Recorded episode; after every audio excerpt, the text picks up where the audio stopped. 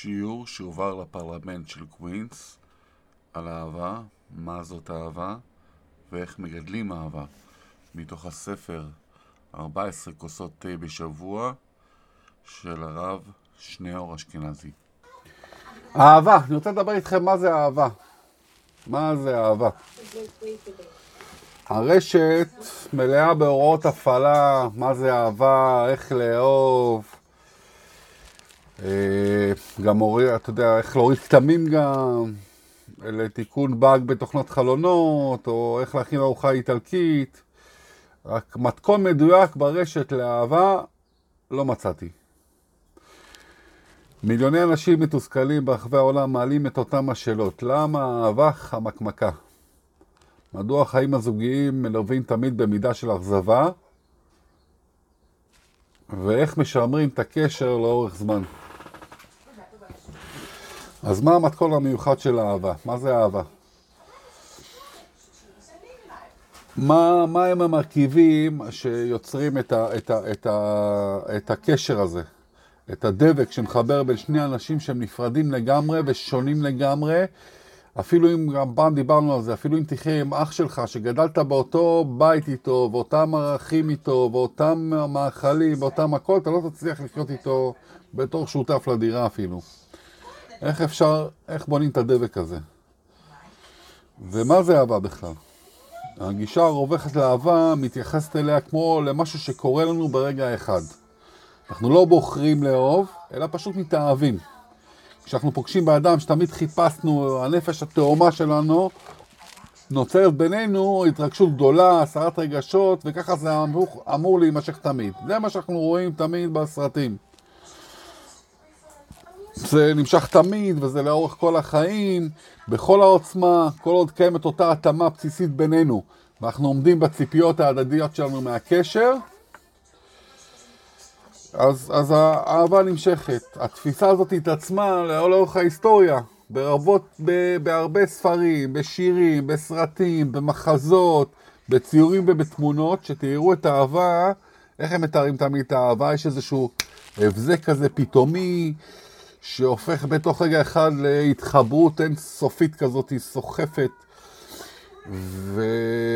ואין ספור יצירות תרבות ואומנות, צייר, ציירים, פסלים, מלחינים, שירים, הופעות, ובטח בצילומים, בקולנוע וזה, וסדרות טלוויזיה, כדי לתאר, מתארים לך את הרגע, את אותה שנייה של ההכרה הברורה, של הערה מופלאה, שזה האיש שחיפשתי. זאת האישה לה אני זקוק. האהבה דומה במובן הזה לרגע הלידה, שבכלל של התינוק קורע את החדר הלידה, הוא מבשר כי מה שהיה הוא לא מה שיהיה, הוא מזל טוב להורים הנרגשים וגם לסבים ולסבתות. אבל כידוע, זה כמובן טעות גדולה שמאכילים אותנו כבר הרבה הרבה שנים, ושמובילה לעיתים קרובות לטר... לטרגדיה בכלל וללבות שבורים. נכון שמדובר בחומש אנושי משובח ליצירת דרמות מרגשות, אבל החיים נמשכים כמובן לא כמו בסרט. שעה ועשרים, שעה וחצי, שעתיים. זה קצת יותר מכמה עונות וקצת יותר מכמה סרטים. וקצת יותר מ-200 עמודים בספר. בחיים עצמם אנחנו זוקים, זקוקים לאהבת אמת. ובינה לבין התאהבות פתאומית, בין אהבת אמת להתאהבות שאנחנו רואים בסרטים, יש פה פער אדיר. כי אהבת אמת אינה יכולה להתרחש ברגע אחד. באותם תסמיני ההתאהבות הראשונים, כולל הפרפרים בבטן, הם בסך הכל חלק אחד קטן מתוך עולם שלם, גדול ומתגמל בהרבה. זה נקרא עולם האהבה. בספר העיקרים זה פילוסוף יהודי בשם רבי יוסף אלבו, שהוא היה גר במאה ה-15 בספרד, הוא מצביע על כך שערכה המספרי בגימטריה של אהבה זה אחד. אחד. באופן מפתיע, גם אחד וגם אהבה, אם נעשה את הגימטריה, זה יצא 13. וזה בעצם סיפור האהבה. אהבה היא תהליך מופלא בין שתי נפשות, זה תהליך מופלא ממש, ששני נפשות הופכות לאחד. אלו שני אנשים שפרצו את גבולות האגו שלהם, והגיעו להת... להתאחדות ולהתמזגות עם, עם אחר. האהבה היא היכולת להתגבר על חוויית היחידניות ולרקום אחדות עם זולת שאיננו אני. זה בעצם אהבה, היכולת שלנו להתאחד עם הבן זוג שלנו. ליצור מציאות ביחד משני אנשים נפרדים, שאינם מסוגלים לתאר את חייהם זה ללא זה. אהבה היא מה שמוביל אנשים בוגרים להכניס את הזולת לתוך המרחב הפרטי הכי אישי ולהעניק לו שקט, שלווה וביטחון. היא זה שלא נותנת לזוג הורים זכותים מעייפות לישון בשקט בגלל בכי של תינוק במצוקה. היא הכוח שמאפשר לפרוץ את הגבולות האישי ולהעניק לזולת הידיעה הפשוטה שאני כאן בשבילך, תמיד. אז מה בעצם מניע שתי אנשים? זרים, אנוכיים, כי יצר האדם רע מנעוריו, כן? ואנחנו בבסיס שלנו, אם תראו את הילדים, ומי שגידל פה ילדים יודע שהם אגואיסטים, ומעניין אותם רק הם ורק עצמם, וככה אנחנו זה, אבל מה מוביל לאנשים אנוכיים כמונו? לוותר על המרחב הפרטי המקודש שלו.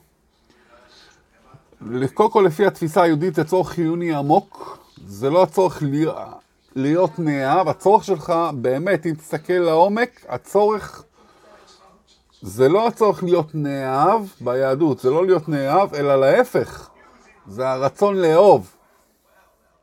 להתעלות על מעבר לעצמי ולהשיג שלמות דווקא במחיצותו של הבן זוג שלי. בתורת הקבלה בכלל, איך, איך, איך, איך, איך זה מתחיל הכל? מי שקרא ספר בראשית ושם לב לדיוקים, כן? בבראשית, ביום השישי, מה כתוב? ויאמר אלוקים, נעשה אדם בצלמנו וכדמותנו. וירדו בדגת הים ובעוף השמיים ובמה בכל הארץ, בכל הרמש, הרמש על הארץ. ויברא אלוקים את האדם בצלמו, בצל אלוקים ברא אותו. מה ברא אותו? זכר ונקבה ברא אותם. ויברך אותם. זכר ונקבה, שימו לב, זכר ונקבה ברא אותם, האדם הראשון בכלל שהוא נברא ביום השישי, זה היה גם זכר וגם נקבה, זה היה שילוב של השתיים ביחד, רק אחרי זה הוא הפריד אותו.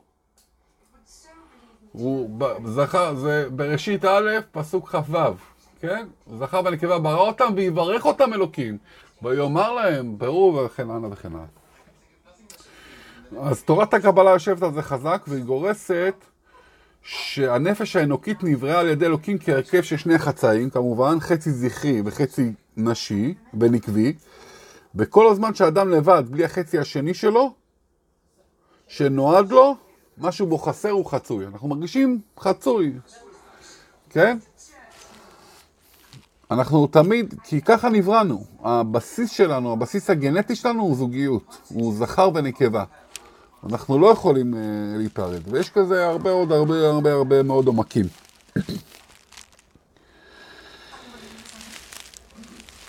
ומכאן זה יסוד התשוקה שלנו לרקום פרשת חיים עם אחר. מישהו שאיננו אני. זה כמיהה שטבועה בנו עוד מספר בראשית. לפרוץ את חוויית הנפרדות, האנוכיות, ולייצר שלמות נפשית עם הזולת. והאהבה עמוקה כזאת היא לא קורה ולא יכולה להתרגש, להתרחש ברגע קצר של הצטלבות מבטים. זה לא קורה פה. זה נקרא התאהבות. הרגע שהצטלבו מבטינו, ומה שאתה יודע, בהוליווד מתארים, ובסדרות טלוויזיה, ובספרים, ובשירים, וואו. זה לא אהבה. זה לא, לא קורה ברגע. תסתכלו רגע מסביב, אנשים בעולם המודרני, מיליוני אנשים בואים במסכים ממרחק אפס. דוחפים אוזניות באוזניים כדי לא לשמוע מה שקורה במרחב. תיסע, לא יודע, תלך החוצה, אתה תראה כולם עם אוזניות, כולם במסכים, ורק מחכים לאיזו הודעת ספאם בשביל, לא יודע, לתבוע את כולם בפגיעת פרטיות. ו... אז מה, אנחנו ככה, אנחנו באמת יכולים לראות את עצמנו מישהו שחושב, טיפוסים שחושבים על מישהו אחר. אתה מסתכל ברחוב, אתה אומר, בואנה, העולם הזה מנותק לגמרי, כולם, אה, זה ב-VR, זה באוזניות, כל אחד במקום אחר. אבל אף פעם, באמת, הדרך להשגת האחדות מעולם לא הייתה קלה. ובימינו היא נראית כמעט לא נורמלי. עם כל מה שיש לנו מסביב והטכנולוגיות שקיימות. התרגלנו להתרכז באופן מלא בעצמנו, לנהוג בנוחיות ולהתעקש על החשוב לנו, ולהתעקש על מה שחשוב לנו. ואילו, אבל האהבה באמת, היא תובעת אותך יציאה מתבנית החשיבה האנוכית, בשימת לב אל הזולת, לצרכיו ולכולו. אהבה אומרת לך לא, אתה צריך לצאת. החוצה, יש פה עוד מישהו איתך בבית. יש איתך עוד מישהו בחדר, יש איתך עוד מישהו בחדר, אה, בחדר השינה. אבל כדי לזכות באהבה הזאת נדרשת עבודה. זו מיומנות נרכשת שיש ללמוד אותה ולהתאמן עליה. כדי להצליח לפרוץ את החומות של האני הזה, זה לא פשוט. שינויים לא קורים ברגע. אני רוצה, אני לצערי רוצה לעשות דיאטה. להשתנות זה לא קל. אני רוצה להפסיק לעשן. אני רוצה, ואני ממש רוצה, אבל להשתנות זה מאוד קשה. זה עבודה. זה עבודה מאוד מאוד קשה והרבה, כל אחד ואחד יש לו את האתגרים שלו ועל מה שהוא עובד עם עצמו והוא יודע איפה זה. ובטח של אהבה צריך לעבוד קשה. ובעוד ההתאהבות, אמרנו יש ההבדל בין אהבה להתאהבות. התאהבות, אמרנו זה המבטים וה... וזה מגיע לשיא לפני החתונה, אתה יודע שהכלה בוחרת את השמלה שלה ואתה בוחר את הדי-ג'יי ואת השיר לחופה והכל. ואז אתה, יש לך חתונה סוחטת דמעות של התרגשות. זה ההתאהבות הגיעה לשיא, החתונה. אבל האהבה עצמה היא תהליך הדרגתי שרק מתחיל לפני החתונה, מטפס אט אט למעלה והולך ונבנה לאורך שנים. להט ההתאהבות שזוגות רבים חשים לפני הנישואים הוא לא הפרי, זה לא הפרי, הלהט הזה, אלא רק הגלין שנשתה באדמה. זה רק שתיל אהבה זהיר, ההצטלבות מבטים הזאת, הרגע של החתונה, זה רק שתיל, זה עדיין לא הפירות, זה שתיל אהבה זהיר, אבל הוא, זה שתיל עדיין, והוא נובט, ובעזרת השם צומח, משגשג לאורך חיים משותפים. בצד המעשי, האהבה נבנית באמצעות פעילות אנטי-אגו אינטנסיבית. היא עדיין הדרך הכי טובה ליצירת קשר פעולות שמרכזם אומר הפרטנר. שנייה, רגע, שנייה, סורי, סורי. בצד המעשי, בוא נדבר על הצד המעשי. אהבה נבנית באמצעות פעילות אנטי-אגו אינטנסיבית. פעילות אנטי-אגו אינטנסיבית. נתינה היא הדרך, היא עדיין הדרך הכי טובה ליצירת קשר. פעולות שבמרכזם עומד הפרטנר, כמו מתן כבוד לבן או בת הזוג, הבעת מח... מחמאה והערכה או מוכנות לוותר על עמדתך בוויכוח ולקבל את האגו, לקפל את האגו, ובטח לנו לגברים זה קשה, שהטונים עולים, אלו הכלים, זה הכלים שנתנו לנו לפרוץ את מחסום הנוחיות ובונים היקשרות אמיתית. בואו נסכם, זה כבר נהיה ארוך. אהבה לא מוצאים. אהבה לא מוצאים ברחוב בהצטלבות מלברטין. זה לא אהבה. אהבה לא מוצאים בבר. אהבה יוצרים. לא מוצאים. זה לא יצירה חד פעמית. זה לא יצרת וזהו. זה השקעה מתמדת, מדי יום, כל שעה, אם תרצו. האהבה של פעם בחיים זה תעסוקה לכל החיים. בניית אהבה עשויה להיות תובענית, אך אם אין מחיר גבוה מדי לאהבה, אין מאמץ. לא משתלם עבור שתי נפשות שהופכות להיות אחת, כי לאהוב, מה זה בעצם לאהוב? לאהוב זה לתת יותר ממה שקיבלת, ועדיין להיות בטוח שהרווחת. אז אסור לנו להתלהב מצניחות, לפעמים יש לנו בקשר עליות, ירדות, צניחות וכן הלאה, ובטח לא מההתלהבות הראשונית. היא הייתה רק הפתיח לקראת קשר אמיתי ונוסך ביטחון. צריך להקפיד, למעשה, ליצור הזדמנויות קבועות לניטרול רעשי הרקע ולישיבה ביחד, לשיחה קרובה. תקשיבו לדבריו של בן הזוג, בלי לקטוע אותו. השתדלו להיות אכפתיים ואדיבים לבקשות שלו, ואפילו אם השיחה גולשת לוויכוח, תנשכו שפתיים בגלות נכונות לוותר. בסוף היום אנחנו בן אדם אחד, אתה ואשתך זה בן אדם אחד. כמו שאמרנו, ככה הם נבראו, גם האדם הראשון ככה נברא.